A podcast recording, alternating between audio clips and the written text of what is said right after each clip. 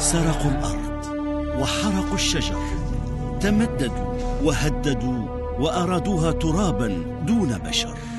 كل ما يعتدوا بحطوا لنا رسالة مثل هيك. يعني صارت متكررة هاي العبارة. المستوطنات الإسرائيلية تخنق القرى الفلسطينية في الضفة الغربية. على خط التماس قريوت فلسطين تحت المجهر. من إنتاج الجزيرة. الأربعاء في الخامسة وخمس دقائق مساء بتوقيت مكة المكرمة.